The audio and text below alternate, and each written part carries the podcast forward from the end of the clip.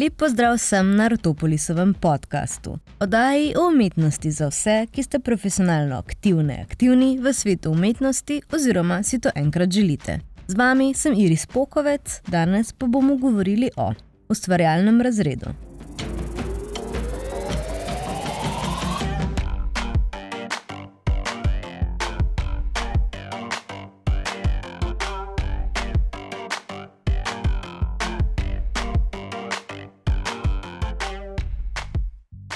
O razliki med plačo slikarja in sliko pleskarja, o barvi ovratnikov in gibljivosti delovnega časa. Odgovore nam ponuja Richard Florida v svojem delu Spon ustvarjalnega razreda, v katerem umetnike prišteva k akterjem, ki v sklopu z novo miselnostjo, novimi potrebami ter načini njihove potešitve sestavljajo jedro novega razreda, ki ga avtor imenuje ustvarjalni razred. Z industrijsko revolucijo se je uveljavil pogovorni izraz o barvah ovratnikov, naprimer modri ovratniki in beli ovratniki. Ti pa so reprezentirali pripadnost določeni delovni sili in posledično tudi pripadajočemu razredu. Prej omenjena pogovorna izraza izhajata iz predpisanih pravil oblačenja, ki jih je zahtevalo njihovo delovno mesto. Modri ovratniki so bili tako predstavniki delovnega razreda, katerih delo je bilo manualno in obračunano po urni postavki. Beli vratniki pa so bili zaposleni v pisarnah, ki so prijemali pošaljno mesečno plačo. Storitveni delavci, ki pa niso imeli svoje simbolične barve vratnikov in prav tako tudi ne izključno enega razreda, ki bi mu pripadali, pa so spadali v tretjo skupino. Med delavce brez ovratnikov štejemo umetnike, glasbenike, profesorje, znanstvenike in te Florida imenuje ustvarjalni razred. Delovna mesta ustvarjalnega razreda postanejo vedno bolj pogostejša, saj zamenjujejo stare hierarhične sisteme, podjetja pa so se spremembi začela prilagajati tako, da odpirajo nova delovna mesta namenjena ustvarjalnemu delu. Z novimi delovnimi mesti pa pridejo tudi novi urniki oziroma nov občutek za čas in na mesto, da bi sledili osnovnemu načinu razporejanja delovnega časa, si poleg ustvarjalnega razreda tudi če dalje več delavcev iz vseh strok lahko izbira ure in dneve, ko delajo po predhodnem uradnem ali neuradnem dogovoru z delodajalcem, odvisno predvsem od njihove predhodne izobrazbe in s tem posledično izbire poklica. Gibljiv delovni čas je močno zastopan v poklicih, ki so domena ustvarjalnega razreda. Bolj izobraženi ljudje bodo imeli več možnosti za fleksibilnost urnika kot manj izobraženi ljudje. Gibljiv delovni čas je odgovor na spremenjene družbene potrebe. Življenjski stil prejšnjih organizacijskih dob je poudarjal druge vrednote, medtem ko je novi življenjski stil naklonjen želji po izkušnjah, individualnosti in samoaktualizaciji. Ljudje ustvarjalnega razreda sami spreminjamo organizacijo in uporabo svojega časa. Ni ključno, kdaj delamo in število ur vloženih v delo, temveč koliko dela smo v tem času opravili. Richard Florida v knjigi omeni mnenje Davida Brooksa, ki pravi, da je novo kultivirani ustvarjalni razred pravzaprav zmes boemsko-buržoaznih vrednot, a sam te v predelitvi doda, da ne gre le za zmes dveh ideologij, temveč se je iz njiju ustvarila posebno nova kategorija, ki jo imenuje ustvarjalni razred.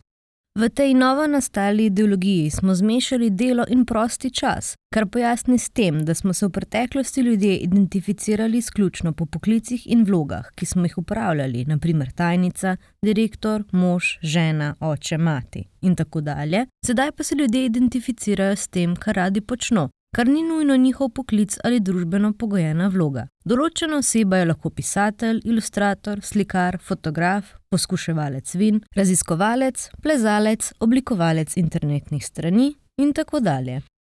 O umetnostnem trgu, o umetniški narniji, o potnih stroških in računih za elektriko, o javnih skladih in o krajnih štipendijah.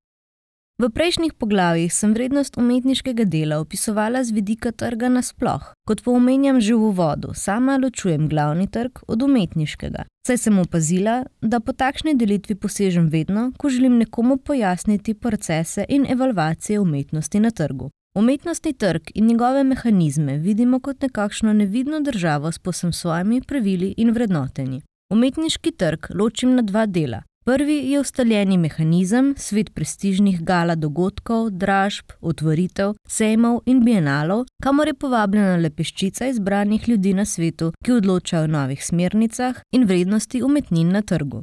Ta svet je pravzaprav tako neviden in posledično tako skrivnosten, da si ga navadno predstavljam kot skrivno družbo, ki prireja zabave v prostorih, v katere ponavadi stopiš skozi skrivni prehod v kakšni pekarni, ali tiste zabave, za katere ponavadi potrebuješ skrivna gesla, da sploh lahko vstopiš. Brez dvoma je to zasebna družba, polna najbolj posvečenih elitnežev, celebrity umetnikov in posrednikov. Drugi del umetnostnega trga pa smo prebijajoči umetniki, ki si želimo priti v te skrivne družbe posvečenih elitnežev, vendar nam ni povsem jasno, kako to narediti. V dosežke si štejemo že, če prodamo kakšno delo, narejeno po naročilu po enačbi za izračun obrtniškega dela, to so ponavadi dobre stare krajine ali portreti, za tiste malo bolj moderne pa polite pisane abstrakcije z art rezen smolo, že dobro leto izjemno popularno tehniko na socialnih omrežjih. Včasih prodamo tudi kakšno umetniško delo, ki smo ga naredili v sklopu lastnih raziskovanj in interesov, sicer še vedno po formuli za izračun obrtniškega dela. Saj na tej točki, če že ne prej, nam začne postajati jasno, da nas od skrivne družbe elitističnih umetnikov in trgovcev loči še nekaj več kot samo kilometrina.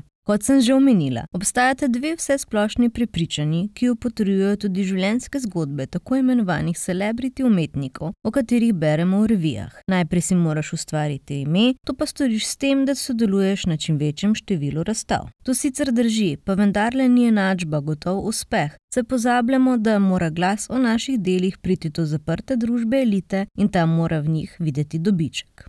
Torej to, da vsak teden nekje razstavljaš, ti še ne zagotavlja uspeha, je pa res, da znatno poveča možnost za njegov nastanek. Prvi problem, ki ga vidim pri razstavljanju v Sloveniji, je ta, da vest o slovenskih razstavah malo kdo je prodrel tujino, kjer umetniški trg za razliko od trga v Sloveniji zares obstaja. Do razstav v Sloveniji in Ljubljani sicer ni težko priti, vendar razstavni prostori kot takšni v resnici niso nikakršne reference. Do razstav v tujini prav tako ni težko priti, saj je na internetu malo more razpisov in prijav za vse vrste umetniških rezidenc in mednarodnih razstav, katere po mojem pravzaprav obstajajo ravno zato, da potešijo ego tistih, ki se želijo stegniti dlje od rodnega kraja, od tega pa tudi izjemno dobro služijo, saj so navadno cene prijavnin tako visoke, da si seveda lahko z visokim dohodkom, ki ga prejmejo od vseh prijavnin, privoščijo, da enemu od prosilcev omogočijo tisto dobro zvenečo razstavo ali rezidenco. Prav tako se razstave v tujini slišijo zares imenitno, vendar je dejstvo, ki ga umetniki navadno zamučimo, da si moramo celoten prevoz del, In ta dela so zaradi zapovedi velikosti formata sodobnih umetniških del, navadno velika vsaj po drugi meter, kar vsekakor ni poceni, pot in nastanitev umetniki kriti sami. Ampak ker se tako dela v praksi, v resnici nimamo druge možnosti, kot da to sprejmemo, kar seveda pomeni, da je takšno razstavljanje vsekakor, pa tudi razstavljanje v Ljubljani, precej drag šport, ki si ga lahko malo kdo privošči. Razstavnin praviloma ni. Če se delo proda znotraj galerije, si ta prilasti precejšen delež vsote prodanega dela in glede na to, da so prodajne cene še vedno izjemno majhne, stroški izdelave, transporta in včasih še elektrike v galeriji pa izjemno visoki in jih krije umetnik sam, smo umetniki veliko krat primorani prodajati svoje dela na črno. Ravno zaradi finančnih stisk, v kateri bi umetnik zares potreboval mecena, imamo danes na voljo mecene v obliki javnih skladov, nagrad, razpisov mestnih občin in raznih štipendij, kot so naprimer štipendije za socialno ogrožene in štipendije za nadarjene. To je sicer zelo dobrodušna in lepa gesta, nažalost pa tudi precej dvorezen meč, saj se tvoja upravičenost in zaslužnost za štipendije in razpise evolvira na podlagi tvojih dosedanjih dosežkov, to pa so torej razstave, ki si si jih od začetka omogočal sam s prihodki iz študentskega dela ali pa če si imel srečo s pomočjo družine. Ob tem želim povedati, da vsekakor drži, da ko si v sistemu in se naučiš zares dobro izpolnjevati vse vloge za javna sredstva, obstaja možnost, da se sploh kdaj lahko začneš umetniško udejanjati, a do uspešnega umetnika, kaj šele umetnika milijonarja, je še dolga pot, na katero pa pogosto nimaš vpliva, saj v domeni evalvacije, okusa in potreb umetniške elite. Prav tako velja izpostaviti misel, da je cilj tako raznolikih načinov financiranja umetnosti ustvariti čim boljše pogoje za umetnost in zagon za procesiranje čim boljše umetnosti. V resnici pa se pogosto izkaže, da omogoča zgolj to, da je umetnik lahko vsakdo, ki zna izpolniti prijavnico za razpise, zato je posledično vsak dan vedno več povprečnih umetnikov. Hvala za poslušanje. Z vami sem bila Iris Pokovec in se slišimo prihodnjič.